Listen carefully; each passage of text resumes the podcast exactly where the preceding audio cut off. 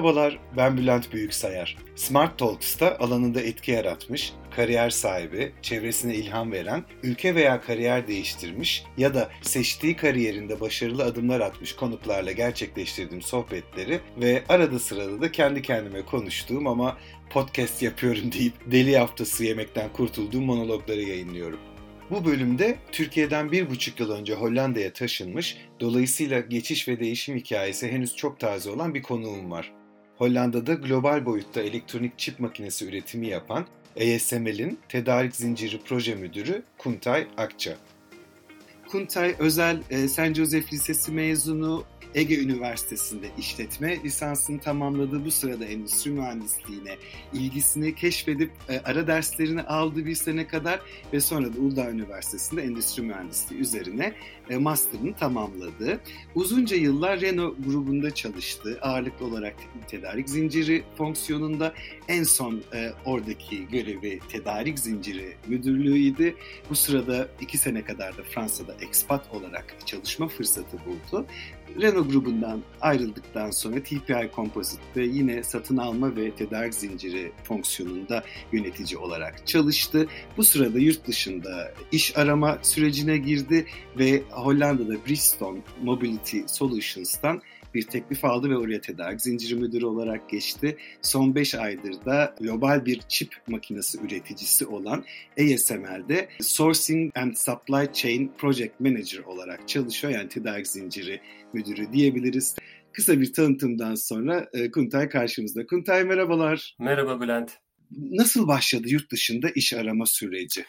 Aslında şöyle diyebilirim. Bu süreç iş hayatında olmak istediğim, e, yapmak istediğim şeyle, hedefleri gözden geçirmemle başladı diyebilirim. Süreç e, benim için e, o döneme kadar tedarik zincirinin farklı alanlarında deneyim sahibi olduğumu söyleyebilirim. Onun sonrasında sonrasındaki hayatım için ne yapmak istediğimi sorgulamaya başladığım bir dönemde. Tabii bu dönemle birlikte o dönem de aynı zamanda pandemi ve tedarik zincirinin farklı kulvarlara evrildiği bir dönemdi aslında. Tam olarak da ne yapmak istediğim e, önceki tecrübelerimle alakalıydı. Çünkü senin de bahsettiğin gibi Renault'da uzun süre farklı görevlerde e, rol aldım. E, ve bunlar genelde ilk olarak operasyon, sonrasında e, proses mühendisliği, proje yöneticiliği pozisyonlarındaydı. Ve burada ilerleyen dönemde aslında neler yapmak istediğimi tekrar bu gelişen ve değişen e, konsepte ne tür sorumluluklar almak istediğimle alakalıydı ve görev değişikliğini yapmayı düşündüğüm noktada da e, yurt içinde değil de biraz da yurt dışında tekrar ağırlık vermem gerektiğini düşündüm. Çünkü senin de bahsettiğin gibi iki sene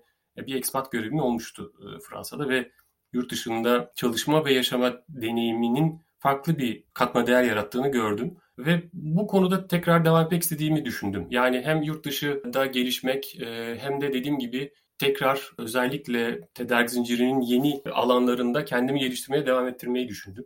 Bu da operasyondan biraz çıkıp aslında tekrar prosese ve projeye dönmekle alakalı bir şeydi. Ve tabii ki de ülkenin e, e, koşulları da bunda etkili oldu diyebilirim. E, bunu da göz ardı edemeyiz bu kararımda. Ama genel olarak bu üç eksende bu kararı aldığımı söyleyebilirim aslında. Bir yurt dışı deneyimin var ama expat olarak gitmiştin. Bir nevi transfer yani aslında. Sıfır noktasında tamam yurt dışında iş aramaya başlayacağım noktasında nasıl başladın? Kendi e, alanımda e, kendim ileride ne yapmak istediğimi öncelikle sorgulayarak bu işe başladım.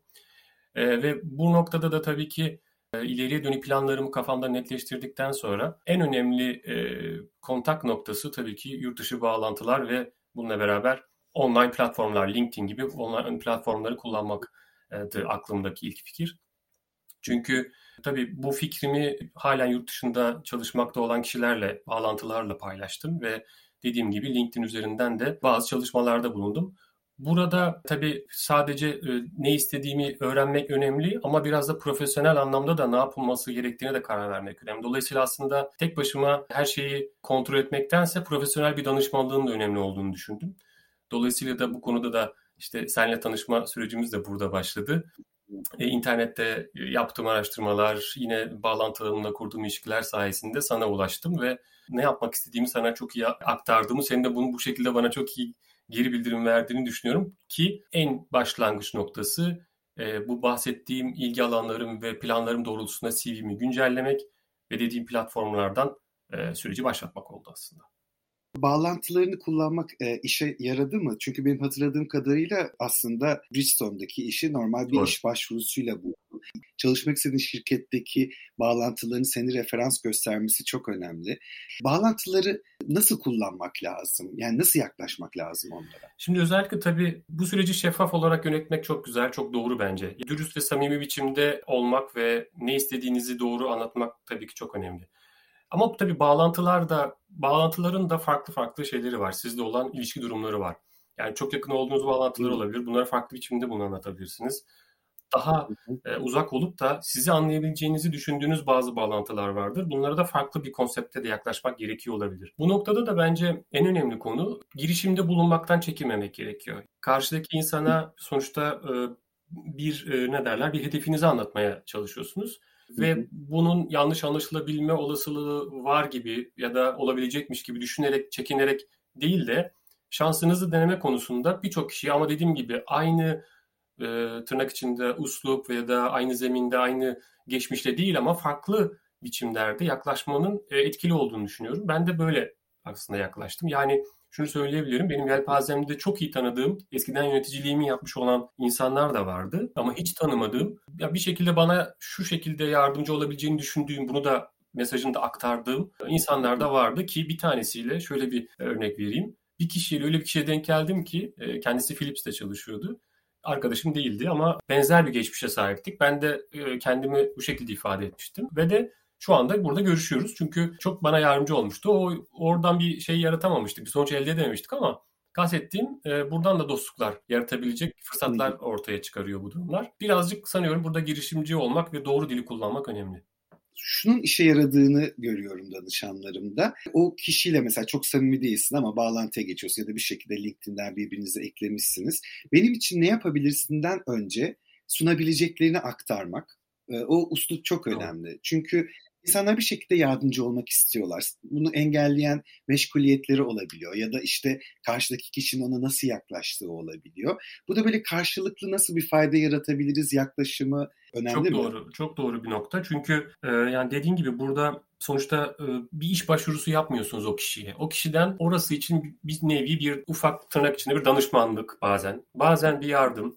Bazen bir fikir verme gibi bir talebiniz olabiliyor. Dolayısıyla da oradaki üslup çok önemli ve de dediğin çok doğru. Çok insanların zamanı kısıtlı. E, insanların başka yoğunlukları, uğraşları da olabiliyor. Ana metinde çok kısa ve dediğin gibi üslubu da doğru kullanarak o kişiye ulaşmak sizin beklemediğiniz kapıları açabilir. Ve de burada önemli olan nokta bence ne yapmak istediğinizi ve eğer varsa tabii bir pozisyon bazlı konuşuluyorsa bu yani genel bir böyle işte yurt dışında çalışmak istiyorum ne tavsiye edersinden öte çünkü bu tür hizmetleri internette farklı biçimlerde bulabiliyorsunuz. Bu cevapları almak için o kişilerle kontağa çok girmenin katkısı olacağını düşünmüyorum. Ha, çok yakın bir kontak değilse, bir bağlantı değilse. Öbür türlü çok daha nokta atışı konularda o şirketle ilgili bir şey olabilir. Bir pozisyon olabilir. O pozisyondaki bir yöneticiyle ilgili olabilir. Çünkü belki o, o konuları da geleceğiz konuşuruz ama gelmiş geri gelmişken de söyleyeyim. Yani pozisyona başvuruda pozisyonu ciddi biçimde irdeleyip onun beklentilerini anlayıp hatta yöneticilerini bulmaya çalışıp gibi bir strateji belirlemek gerekiyor. O noktada zaten o noktadan sonra bir bağlantıyla irtibata geçmek daha bence verimli. Genel bir amaç evet. belirtmektense evet. dediğin gibi yurt dışında çalışmak istiyorumdan öte biraz spesifikleştirmek Kesinlikle. gerekiyor beklentileri. Bence de çok doğru bir noktaya değindin. Peki e, hedefini nasıl belirledin? Şimdi mesela benim hatırladığım kadarıyla Fransa'da iş aramaya başlamıştın ama görüşme teklifi ve iş teklifi Hollanda'dan Doğru. geldi. Burada hedef ülkeleri belirlemek e, ne derecede önemli ve nasıl yapıyorsun hazırlıklarını? Ee, aslında hedef ülke belirlemek gerçekten çok önemli. Burada tabii ilk belki de şuradan başlamak gerekiyor. Genelde bunları bağlantılarımızdan ya da çevremizden de duyuyoruz. Hangi ülkenin bu konuda daha fazla insana ihtiyacı olduğu ile ilgili başlamak bence onu öğrenmekten başlamak ilk nokta. Çünkü yani siz istediğiniz kadar başvuru yapın bir, bir ülke dışarıdan gelecek kişilere sıcak bakmıyorsa hakikaten bu bir sıkıntı yaratıyor ki Fransa'da aslında ben benzer bir durumu yaşadım. Yani süreç benim için çok ilerlemiş. Çünkü Fransa'daki durum benim başvurum değil ama Fransa'da bir Fransız eski bir yöneticimin beni çağırmasıyla başlamıştı. Teklifiyle başlamıştı. Süreç bayağı ilerledi. Hatta o süreçte sen de haberdardın bu süreçten. Evet. hatırlamaya başladı. Evet. Teknik yani çok da büyük yerler. çok da büyük bir otomobil e, e, firmasıydı. Renault değil ama başka bir firmaydı. Ve son en geldiğimiz en son noktada e, Fransız devleti yani neden bir Fransız değil de Türk alıyorsunuzu çok diretti ve insan hakları bunu açıklayamadığını e, ifade etti bana sonunda. Dolayısıyla aslında ülkeleri de böyle başvurularla ya da süreç ilerlediği zaman tanıy tanıyabiliyoruz. Tabii ki biraz zaman alıyor bu durum ama ben en azından böyle bir tecrübe ettim. Bunun sonrasında da aslında Hollanda'nın de Almanya'nın bu, bu iki ülkenin özellikle e, işe alım süreçlerinde daha yurt dışından gelen kişilere daha yakın olduklarını okudum, gözlemledim ya da deneyimledim. E, yaptığınız başvuruların başvuruların da cevabı genelde bu ülkelerden oluyor. Dolayısıyla stratejinizi o yönde kaydırabiliyorsunuz. Aslında senin sunabileceğin tecrübelerden, yetkinliklerden öte karşıdaki şirketin yaklaşımıyla da bitmiyor. Biraz o ülkenin devlet doğru. politikaları da belirliyor. Çok doğru. Ne kadar kolay ya da zor iş bulabileceğini ki bildiğim kadarıyla Benelux ülkeleri özellikle Hollanda'nın devlet politikaları yurt dışından doğru çalışan almaya biraz daha esnek. Doğru, çok doğru. Yani burada elbette ülkelerin e, bakış açısı çok önemli oluyor. Çünkü bazı firmalar almak isteseler de hiç bunu tecrübe etmedikleri için, bu konuda bu süreçleri nasıl yöneteceklerini hiç bilmedikleri için bunlar bu, bu durum onlar için bayağı bir korkutucu olabiliyor. Dolayısıyla bazı olarak ülkeden başlayıp aslında buna bu tür olanakları sağlayan ülkelerden başlayıp yine o ülkelerin içerisinde de dediğim gibi e, deneyimli firmalar aslında biraz daha bu konuda daha hızlı yol alabiliyorlar. Yine o firmalar yönelmek de mümkün. E, bunlar da bu arada internette bulunabiliyor bu tür kaynaklar. Yani e, sponsorluk anlaşması olan ya da sponsorluk çalışması yapabilen firmalar da internette bulunabiliyor. Özellikle Hollanda için söyleyebilirim.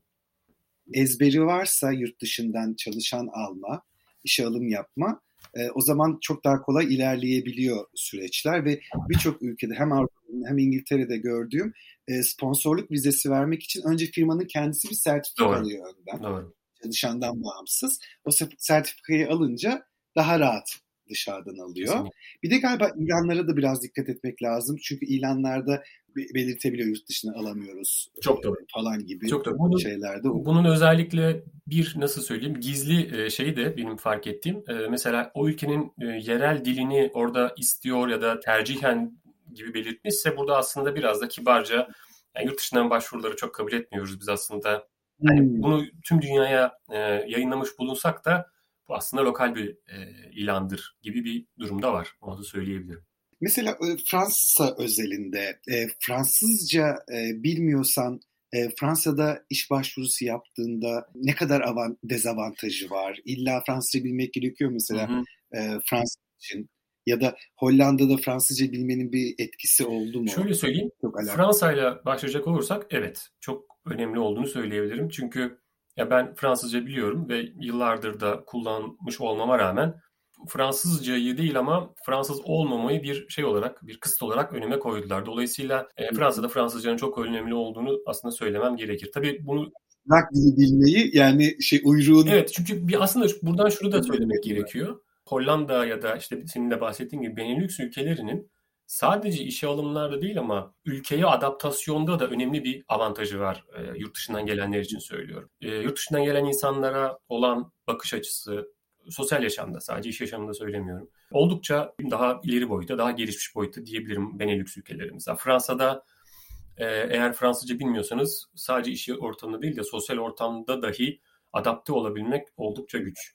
En basitinden İngilizce bilen insan sayısı e, Hollanda'ya oranla çok daha düşük ya da bilen ama kullanmak istemeyen de diyebiliriz. Böyle söyleyebiliriz. Dolayısıyla Eninde sonunda amacınız bir ülkeye sadece çalışmak için gitmek değil, oraya yerleşmek ise mutlaka orada sosyal bir ilişki geliştirmeniz gerekiyor. Dolayısıyla da Fransızca önemli. Ama Hollanda'da Fransızca bilmek e, bir etki bulundu, barındırmıyor. E, etki, sadece burada çok Fransız var. Onlarla sosyalleşme anlamında belki bir katkısı olur ki benim oldu. E, Fransız arkadaşlarım oldu.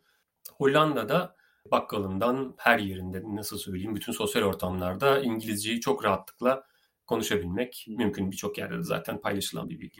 Engel değil yani e, Hollanda için o e, evet. şey Datça demek ama sanırım e, oraya yerleşik olarak yaşamaya devam etmek istiyorsan ve bir süre sonra vatandaşlık aşamasına gelirsen belli bir seviyede Datça gerekiyor. Kesinlikle. Kesinlikle. Zaten demin söylediğim gibi aslında burada e, sosyalleşmek çok önemli bir şey. Yerleşmek önemli bir şey.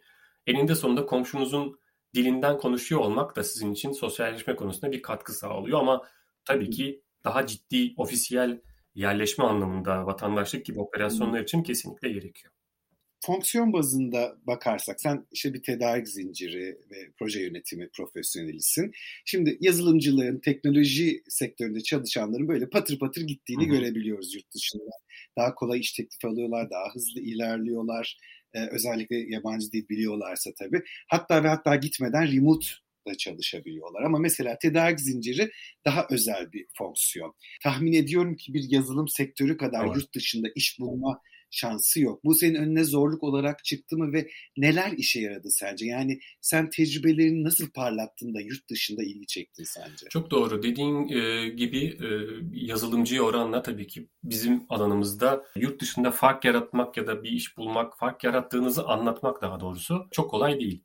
Güçlü bir CV yaratmak e, önemli diye düşünüyorum. Yani öncelikle sentetik ama ne yaptığınızı iyi anlatan, doğru anlatan ve tecrübelerinizin ne katacağını doğru anlatan doğru kelimelerle, anahtar kelimelerle bir CV hazırlamakla başlanmalı diye düşünüyorum. Bunun yanı sıra e, pozisyon, yani ben burada aslında tabii o süreci şöyle tanımlamaya çalışıyorum. Doğru ilan, doğru hazırlık ve doğru zaman. Aslında bunların hepsinin bir arada olması gerekiyor. Yani doğru ilan derken size uygun olan ilanı mutlaka taramalısınız. Yani dediğin gibi burada aslında yazılım şeyinden çıktığınızda aslında birçok insanın başvurabileceği bir alana doğru yönelmiş oluyorsunuz. Dolayısıyla doğru ilan orada aslında kelimeler içerisinde sizin de geçmişte ya da geçmiş önemli tabii ki ama bence e, bu aslında genç arkadaşlarımız için de bir geri bildirim olabilir. Sadece geçmiş değil, gelecekte ne yapmak istediğinizi yani hayallerinizi de doğru anlatabilirseniz eğer o ilan bazında bunun da alıcısı çok oluyor. Satın alması yüksek bir, bir, bir, bir bilgi bence bu. Çünkü ne yaptığınızı bence anlatmak tabii ki önemli. Çünkü bu bir insanları ikna etmek için önemli ama hayallerinizi anlatmak bence çok daha önemli. Dolayısıyla bu tarafa ağırlık vermek de gerekiyor. Doğru hazırlık tabii ki burada işte demin söylediğim profesyonel danışmanlık bence önemli. Çok katma değerli bir şey çünkü zaman kaybınızı ortadan kaldırıyor ve her yerde okuduğumuz ama gerçekten de doğru olduğunu söyleyebileceğim bir şey motivasyon mektubu. Yani o e, ilana özel hazırlandığınızı gösteren bir motivasyon Tabii. mektubu. Sadece kelimelerle değiştirerek vesaire anlamında söylemiyorum. Yani oradaki kendi cümlelerinizi kullanarak belki öyle profesyonel bir motivasyon mektubu olmayabilir ama o ilana çok karşılık geldiğinizi anlatan samimi cümleler bile öne çıkmayı sağlayabiliyor. Çünkü şunu söyleyeyim ben, yılmadan bu, bu, bu bunu mutlaka bir hedef olarak belirlediyseniz bunu yılmadan devam ettirmek de önemli. Yani çünkü doğru zamanda bu kastettiğim. Doğru zaman bazen e, hakikaten o ilan için ya da o pozisyon için e, uygun olmuş olsanız bile herhangi bir nedenden sizin kontrolünüzün de olma, kontrolün altınızda olmayan herhangi bir nedenden de o iş olmayabiliyor. E, moral bozucu bir süreç olsa da o süreci devam ettirmek gerekli. Eğer gerçekten istediğiniz oysa. Bütün bu e, süreçte doğru ilana, doğru hazırlık ve bu süreci de yılmadan devam ettirmek önemli faktörler. Bazen soruyorlar, daha doğrusu şikayet ediyorlar. İşte başvuruyorum, başvuruyorum, cevap yok. Kaç ilana başvurdun diyorum? 6. Yani yurt dışında bir pozisyondan bahsediyoruz. Burada tabii ki başvurunun kalitesinden öte biraz da niceliği de önemli. Yani ne kadar başvuru yaparsan tabii ki demek istediğim alakalı alakası bütün ilanlara değil ama e, gelip seni bulmuyorlar. Bulabiliyorlar da güçlü bir LinkedIn profilin varsa ve e, coğrafya parametresini kaldırırlarsa bulabiliyorlar e, sizi LinkedIn'den ama genel olarak Türkiye'den başvuru yapıyorlarsa siz de Türkiye'den e, yurt dışında iş bulmak istiyorsanız e, genelde başvuru yapmak gerekiyor. Headhunter'lar pek gelip de Türkiye coğrafyasına bakmıyorlar çünkü çok sıkışmadıkları hı hı. sürece. Ne kadar başvuru o kadar şans artıyor mu sence? E, tabii sonuçta doğu, yani sizin için doğru ilan olabilir ama demin söylediğim gibi belki de e, herhangi bir nedenden o, o noktada karar verilen kişi siz değilsiniz ama bu sayıyı arttırdıkça o karar verilen kişi olma sayınız da olasılığınız da artıyor. Önemli ama şunu da tekrar altını çizmek istiyorum. Ben burada çok fazla ilan nasıl olursa olsun bir ilana başvurayım demek de bu sefer geri dönüşleri de tabii ki e, negatif olacağı için çünkü detaylı olarak çalışmadığınız için o ilanda sizin tekrar motivasyonunuzu bozucu, yine tekrar demoralize edici olabilir.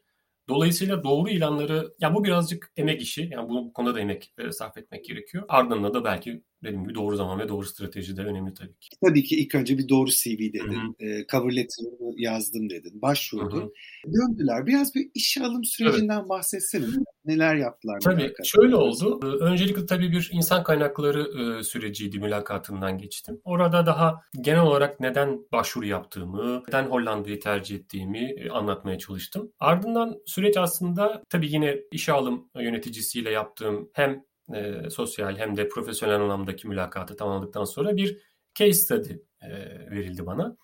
Yani bu case study içerisinde üç farklı konuda nasıl bir yönetim tarzı benimseyeceğimi, nasıl bir tepki vereceğimi detaylı olarak anlatmam istendi. Bunun için de bir e, iki günlük bir süre tanındı bana. Dolayısıyla da sonrasında bunu sunmam istendi. Sürece hazırlandım. E, bir nevi böyle bir jüriye anlatmak gibi bir şeydi, e, bir sunumdu. Sonrasında orada aslında şeye değinmeye çalıştım.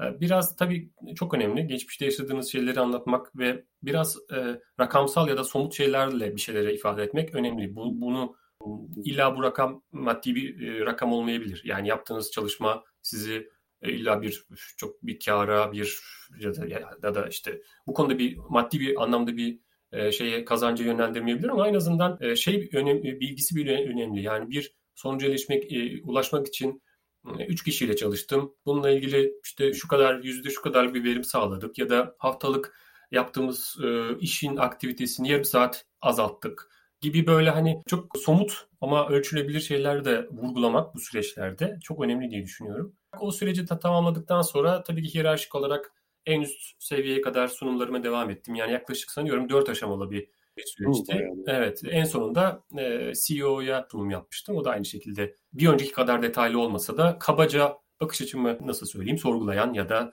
e, anlamaya çalışan sorular sordu. Ve sonuçta süreci e, tamamladık. Ama o süreç çok hızlı gelişti. O ilana özel olabilir belki bilmiyorum ama toplamda 3 haftada yanlış hatırlamıyorsam bunların hepsini bitirdik. Yani hızlı geçti. Sence seni seçmelerinin sebebi neydi? Gerçekten ne bileyim bir sürü başka ülke var. Hollanda'nın kendi kaynakları var. E, neden bir Türk sence bu görevi alabildi? Bu işe başladıktan e, sonra birkaç kez kendi direktörümden, yöneticimden de duyduğum için söylüyorum. O yaptığım sunumdan çok etkilendiğini söyledi bana. Yani hmm. o sunumda çok yani o, o konuyu o, o sunumu referans göstererek daha sonra yaşadığımız olaylardan e, ilgili olarak o sunumla ilgili çok referans gösterdi ve orada sen de zaten bu ışığı görmüştük dediği için söylüyorum bunu paylaşıyorum. E, yani orada sanıyorum ilk söylediğime geleceğim. Hayalinizi yani ulaşmak istediğiniz ya da herhangi bir durum içerisinde davranışınızın ne olacağını doğru anlattığınız zaman herhalde bunun bir alıcısı varsa ki bende böyle oldu doğru alıcısıyla karşılaşmışım sanıyorum. Bu hani biraz orada eşleşmesi de önemli. Yani bunu siz yani bunu ben şey için söylemiyorum. Yani bu böyle bir kişiydim ve alındım anlamında söylemiyorum. Çünkü karşınızda anlattığınız kişinin de onu anlayabiliyor olması ya da sizinle aynı frekansta olması önemli. Dolayısıyla ben biraz o aynı frekansa denk gelmişim galiba. Dolayısıyla o iş sürecinde yaptığım sunumun etkili olduğunu bana birkaç kez söylediler. Ama burada tabii alanla alakalı da olabilir. Her alanın farklı dinamikleri var ama benim alanımda özellikle yani Renault'da edindiğim, edindiğim daha önceki yine TPI'de de edindiğim iki önemli şeyi vurgulamam bence etkili oldu. Birincisi süreç değerlendirme, süreç bazlı e, bakabilmem, bakmayı, e, baktığımı anlatmam daha doğrusu. İkincisi de bunu operasyonla aktarıp operasyonda da bunları kullanma hevesim. Kafanızda oluşturduğunuz süreç iyileştirmelerini, gerçekleştirdiğiniz süreçleri operasyona da aktarma hevesinizi, hevesimi anlatmam bence etkili oldu diye düşünüyorum. Ama bunların hepsi dediğim gibi yani başka bir e, bölgede, başka bir e, şeyde de e, ilanda da bunu anlatmışımdır. Başka bir mülakatta. Ama karşımdaki kişi buna belki de benimle aynı frekansta olmadığı için gerekli şeyi vermedi ve o süreç olumsuz tamamlandı. Böyle düşünüyorum. Türkiye'den yurt dışına iş başvurusu yapıyorsan oradaki lokal insan kaynağına göre 1-0 geride başlıyorsun. Doğru. Çünkü ne kadar parlak bir profil olursan o ve o şirketin demin bahsettiğimiz gibi bir sponsorluk sertifikası da olsa e, yurt dışından birini getirmek maliyet. Doğru. Çok doğru. Hem zaman... Dolayısıyla senin yeteneklerin, tecrüben bir kıt daha üstte bile olsa doğru. ondan feragat edip biraz daha düşük bir profili de almayı tercih edebiliyor işverenler.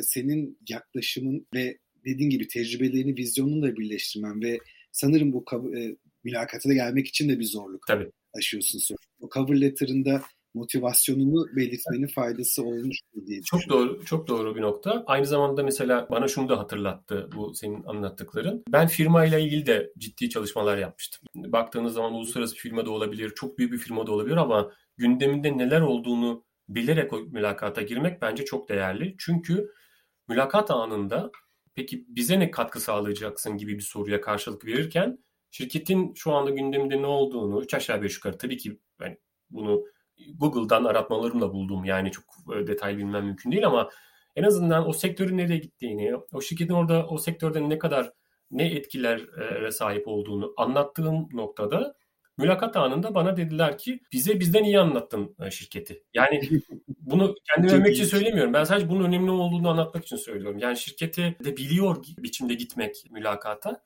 bence önemli bir artı. Bu insanlar için bir pozitif e, etki yaratıyor bence teklifi aldın. Şimdi bilmediğin bir coğrafya. Tabii ki tanıdıkların var sorarsın edersin ama ücret teklifini, paketi neyle karşılaştırdığında nasıl kabul ettin? Yani doğru bir teklif miydi? O süreci biraz anlatır mısın? Tabii bu, bu aslında belki de en büyük bilinmezliğin olduğu yer. En azından bahsettiğin durumlar içerisinde olduğumuz için bizim en son fikir sahibi olacağımız şey. Aslında orada çok doğru bir karar verip vermediğimi bilmiyorum. İnternetten yaptığım araştırmalar, Glassdoor'da özellikle yaptığım araştırmalarla fikir sahibi oldum. Tamamıyla aslında biraz Google araştırmaları üzerinden gittiğini söyleyebilirim. Ama yine söyleyeyim yani belki de şey olacaktı hani 3 aşağı 5 yukarı benzer bir şeylerdi ama hani ben yakın bir yerler bir de tabii burada çok kesin bir rakam söylemenin doğru olduğunu düşünmüyorum. Bir range belirlemek, bir aralık belirlemek bence e, esneklik tanımak önemli. Yani esneklik oradaki ya da o aralığı yaklaşık olarak tahmin etmek bence yeterli olacaktır. Çünkü ilk aşamada özellikle insan kaynaklarının ona baktığını gözlemledim ben. E, o aralığı tutturuyorsanız sonrasında ilerleyen süreçte sizin için olumlu ilerlerse süreç yine bahsettiğiniz aralıktaki yukarı yukarı gelen bölüme atabilirsiniz bu teklifi. Dolayısıyla bu mümkün diye düşünüyorum. Ya ücret pazarını açıklar mı? Açıklar. Ama şu da var tabii bu da sizin durumunuzla alakalı. Sizin o işi ne kadar istediğiniz ya da sizin o konuda ne kadar motive olduğunuzla alakalı. Pazarlık yapabilirsiniz tabii ki. Ve onlar da açıklar. Hangi formatta nasıl yürütülür o tabii ki bölüme yani daha doğrusu alana ve şirkete göre. Şeye göre bile. Evet çok değişir. Yani, Ama çok yaklaşım. çok o, o konuda şeyler. Yani buna çok garip bakmıyorlar onu söyleyebilirim. Çok açıklar yani. Çok rahat yapılabilir. E şimdi bir de oraya yerleşme süreci var. Bir ailen var süreç nasıl ilerledi, neler işe yaradı, yani hız önemli mi, bir çalışıyordun, o evet. işi bırakman gerekiyor, bir süre var. O süreci nasıl yönettin? Evet aslında bu yola girerken başta tabii bunu ailenizle paylaşmak, onların desteğini alarak gireceğinizi bilmek önemli bence. Bu, bu birinci nokta. Çünkü yoğun ve zor bir e, süreç bu. Hayat e, değiştirmek, başka bir yerde tekrar hayat kurmak önemli. Özellikle çocuk varsa ki bizim de bir tane oğlumuz var. Dolayısıyla sadece sizi değil yani çocuğunuzu da etkileyen bir karar veriyorsunuz.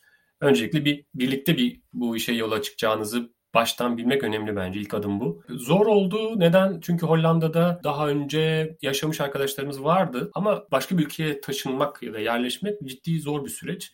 E, şirketin de o konuda bir desteği yoktu açıkçası. Dolayısıyla bunu mülakat esnasında zaten konuşmuştuk. Kendim biraz Türkiye'den yine bu bahsettiğim bağlantıları kullanarak yurt dışındaki bağlantılarla bütün taşınma, nakliye vesaire süreçlerini kendim yönettim. Burada tabii zor olan nokta e, ev bulma noktasıydı. Çünkü Hollanda'da hmm. özellikle şu anda ciddi bir ev krizi var, ev bulma krizi var. Bu yaklaşık e, özellikle bir buçuk iki senedir olan bir şey aslında. E, hem çok pahalı e, fiyatlar hem de sonuçta çok aday var ve burada e, ev sahibi e, belirleyici oluyor eve taşınmanızda. Bir de bekar olsan hani idare aynen, edersin aynen. odadır, eğitimdir ama aileyle olunca tabii, yani daha şirketin da... tabii sağladığı bir, bir aylık e, otel e, şeyi vardı, imkanı vardı. Dolayısıyla gelir gelmez bir ay otelde kaldık. E, orada e, arayışlarımızı da e, hızlandık ama e, öncesinde başlamakta fayda var. Ee, özellikle bir ay öncesinde bir süreci başlattık. Tabii online e, görüşmeler yaptık. Evleri işte emlakçılar da bu konuda tabii çok açıklar artık. Size WhatsApp üzerinden online görüşmeler yapabiliyorlar evlerle ilgili tekliflerimizi hmm. verdik. Burada hatta belki bu konuda da bir, bir, bir şey verebilirim, bir ipucu. Burada mesela e, kiraladığımız evde kendimizi tanıtan bir mail de attık. Mesela ben eşimin de tavsiyesiyle Bu da bir iş süreci gibi. Aynen öyle. Aynen, aynen. Çok çok benzer aslında. Ev sahibine de bir şekilde o evini hiç tanımadığı, görmediği bir kişiye, yani yurt dışından gelecek bir kişiye evini e, kiralamakla ilgili bir iş, şeyde bulunuyorsunuz. Dolayısıyla burada mesela eşimin de önerisiyle şey yaptık yani e, kendi fotoğrafımızı falan koyduk böyle. Böyle bir aileyiz gibi. Ondan sonra anlattık kendimizde biraz. Çok hani böyle iş kadar tabii ki şey değil de yani sonuçta böyle böyle bir ufak bir tanışma maili gibi oldu. Ne kadar etkili olmuştur bilmiyorum ama ve şey var mı e, yurt dışından geldiğin için orada bir kredibiliten yok ya ay 6 ay peşin vermek zorundasın şu bu falan gibi yaklaşıyorlar mı? Şeyin İran'ın standartında ne varsa hani normal bir kişiye ne tür bir e, şart koşmuşlarsa yurt dışından gene de aynı şeyi yap. Yani en azından ben o, o durumu yaşadım. Hani yurt dışından geldiğinde ekstra bana bir şey yapılmadı. Yani dolayısıyla süreç e, önceden başlatılıp sonrasında da zor bir süreç. Çünkü bir de tabii bu iş e, ülkeyi tanımakla alakalı. Yani ülkeye yerleşmek, çalışma saatlerini anlamaktan tutun da yani herhangi bir bakkalın, marketin ya da işte bir yere başvuru. Çünkü bir de dili bilmediğiniz için yani Hollandaca tabii sonuçta resmi yazışmaları her şey Hollandaca üzerinden gidiyor. Yani Allah'tan Google var. Google bayağı yardımcı oluyor artık. Bayağı bizim şey, süreçlerimizi kolaylaştırdı burada ama yani sonra çocuğa okul bulma bunların hepsi aslında bizim kendi kendimize özellikle eşimle beraber yürüttüğümüz süreçlerdi ama bir bağladık diye düşünüyorum. Yani üzerinden e, gelinebilecek tabii ki e, konular bunlar. Sabırlı olmak ve sinirleri yıpratmamak lazım o süreçte. Deneyimlerini dinlemek şu açıdan da çok önemliydi. Çok uzun süredir yurt dışında değilsin daha bir küsür sene oldu ama deneyimlerin çok taze. Şöyle bir genel olarak sohbetimizin başından beri aldıklarımı bir anlatmak istiyorum. Ee, öncelikle bir hedef belirlemek, strateji belirlemek, bu yılmazlık dediğimiz hani vazgeçmemek, morali yüksek tutmak çok önemli yurt dışındaki işe başvurularda. Tecrübelerin çok güzel bir background'um var tabii ki. iki yabancı dil biliyorsun, e, senelerce Renault Group'ta çalışmışsın ama bunlar tek başına yeterli değil. Başvurduğun şirkete ve ülkeye göre motivasyonunu belirlemek, onlara ne katabileceğini anlatmak önemli. Cover letter, motivasyon mektubu önemli kısmını duydum. Yine mülakat ve case study'lere hazırlık, vizyonunu, stratejini, hayalini aktarabilmek. Tabii ki burada yaklaşımın çok dile getirmedin ama bence şey de önemli, bu kimya da önemli. Dediğin gibi aynı şekilde başka bir firmaya anlatırken e, orası sana dönmüyorken başka bir firmada o kişiyle klikleşmek, zaman, mekan, şans biraz bunlar önemli faktörler. X faktörü diyebileceğimiz. Hazırlık, hazırlık, hazırlık. Gerçekten iş arama da kendi başına mesai. Mo- moral bozucu da bir şey. Çünkü sürekli hayır cevabını evet. duymak ya da hayırdan öte şey ghosting dediğimiz hiç cevap alamamak da moral bozuyor. Bunu da çok gözlemliyorum. Benim aldıklarım bunlar oldu. Ee, Ala çok da değerli bilgiler. Henüz böyle taze taze daha bir iki senedir orada olan evet. e, biri olarak. Dinleyicilerimize özellikle yurt dışında iş arayan dinleyicilerimize söylemek istediğin ekstra bir şey olur mu? Sürecin zor olduğunu ve e, emek gerektirdiğinden bahsettik. Burası tabii ki önemli. Her şeye için emek vermek gerekiyor. Tabii bu da öyle, öyle bir süreç. Demin bahsettiğim gibi odak noktasında kalıp ne yapmak istediğini bilmekle başlayıp odakta kalıp ona ilişkin de çalışmaya devam etmek, strateji yaratıp çalışmaya devam, et, devam etmek önemli. Bir de belki de dediğim gibi çok bence önemli. Hayallerinizi e, anlatmaktan ve bunlara zaman ayırmaktan çekinmeyin bence. Yani bu çok değerli bir şey. Çünkü insanlar sıkışmışlık anında ya da e, çözüm bulma anlarında e, farklı şeylere yönelmek istiyorlar. Ve Avrupa'da da buna e, ilgi çok yoğun. Yani Avrupa'daki insanların bakış açısı daha çok farklı fikirleri duymaya yönelik. Hani nereden çıkar çıktı bu gibi değil ama daha çok her şeyi yeni fikri duymaktan çok büyük keyif alıyorlar. Bence bu önemli. Bir de biz yapamayız, beni neden istesinler, biz niye buradan şimdi e, kalkıp yani bizi beni neden alıp getirsinler oraya gibi bir e, bakış açısında olmayın. Çünkü hakikaten bizim de çok ciddi tecrübelerimiz var. Biz Avrupa'daki birçok insanın yaşamışlığından daha fazla şeyler yaşıyoruz belki iş, hayatında ve bu bize çok fazla şey katıyor. Farkında olmadığımız çok fazla şeyler de katıyor. Hani kendimizi şey görmeyelim, aşağıda görmeyelim. Biz bazı şeyleri hak ediyoruz bence. Dolayısıyla bu bilinçle, bu güvenle devam etmelerini sadece naçizane tavsiye ederim. Bir, bütün bu anlattıklarımın da bir uzman şeyinde değil de bir sadece tecrübe paylaşımı olarak değerlendirmesini rica ediyorum bütün dinleyenlerden. Bu arada Avrupa'da da insan kaynakları sonsuz değil yani. İster istemez böyle ba- başka alternatiflere de bakmak durumunda kalıyorlar ve gerçekten Türkiye'de aslında özellikle mühendislik ve birkaç e, disiplinde çok ciddi eğitimler alıyor insanlar. Türkiye'nin o açıdan eğitim sistemi e, çok iyi. Background yine iyi. Türkiye'de bir sürü global firma var. Yani Türkiye'nin ayrılmadan da çok ciddi tecrübeler e, ediniyorsun. Gerçekten bunları nasıl aktardığın önemli yurt dışında. Bir de esneklik tabii ki. Yani bize kazandırdığı iş hayatının önemli e, şeylerinden, katkılarından bir tanesi de esneklik. Hani çok durumsal olarak bunu tabii yeni şeylerden bahsetmiyorum. Bunu herkes biliyor tabii ki ama hani durumlara gösterdiğimiz refleksler çok farklı olabiliyor. Farklı e, biçimde alternatif çözümler üretebiliyoruz yaşadıklarımızdan ötürü birazcık belki. Dolayısıyla bu da bir avantaj. Yani rutinden çıkmak konusunda ciddi bir katkımız olabileceğini düşünüyorum. Bu da biraz e, şey istiyor gerçekten. E, tekrar istiyor. Daha doğrusu bu da ayrıca tecrübe edilmesi gereken bir Çok şey. doğru. Aslında bunun bence bir dengesi olması gerekiyor hayatta. Çok fazla bu, bu, bunu pratik etmek de insanı yoran bir şey.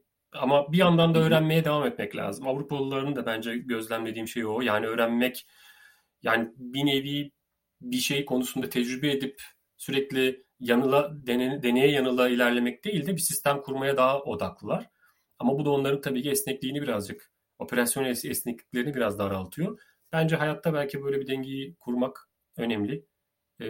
Bunun peşinde koşmak da önemli diye düşünüyorum. Kuntay çok teşekkür ediyorum zaman ben ayırdığın için. Bülent. Ve güzel bilgiler verdin ve güncel bilgiler verdin. Ben teşekkür ederim Bülent. Herkese kolay gelsin diyorum.